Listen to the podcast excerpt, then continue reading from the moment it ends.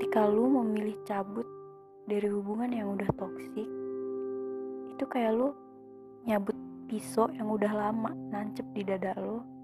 tapi ada luka yang bisa lo obatin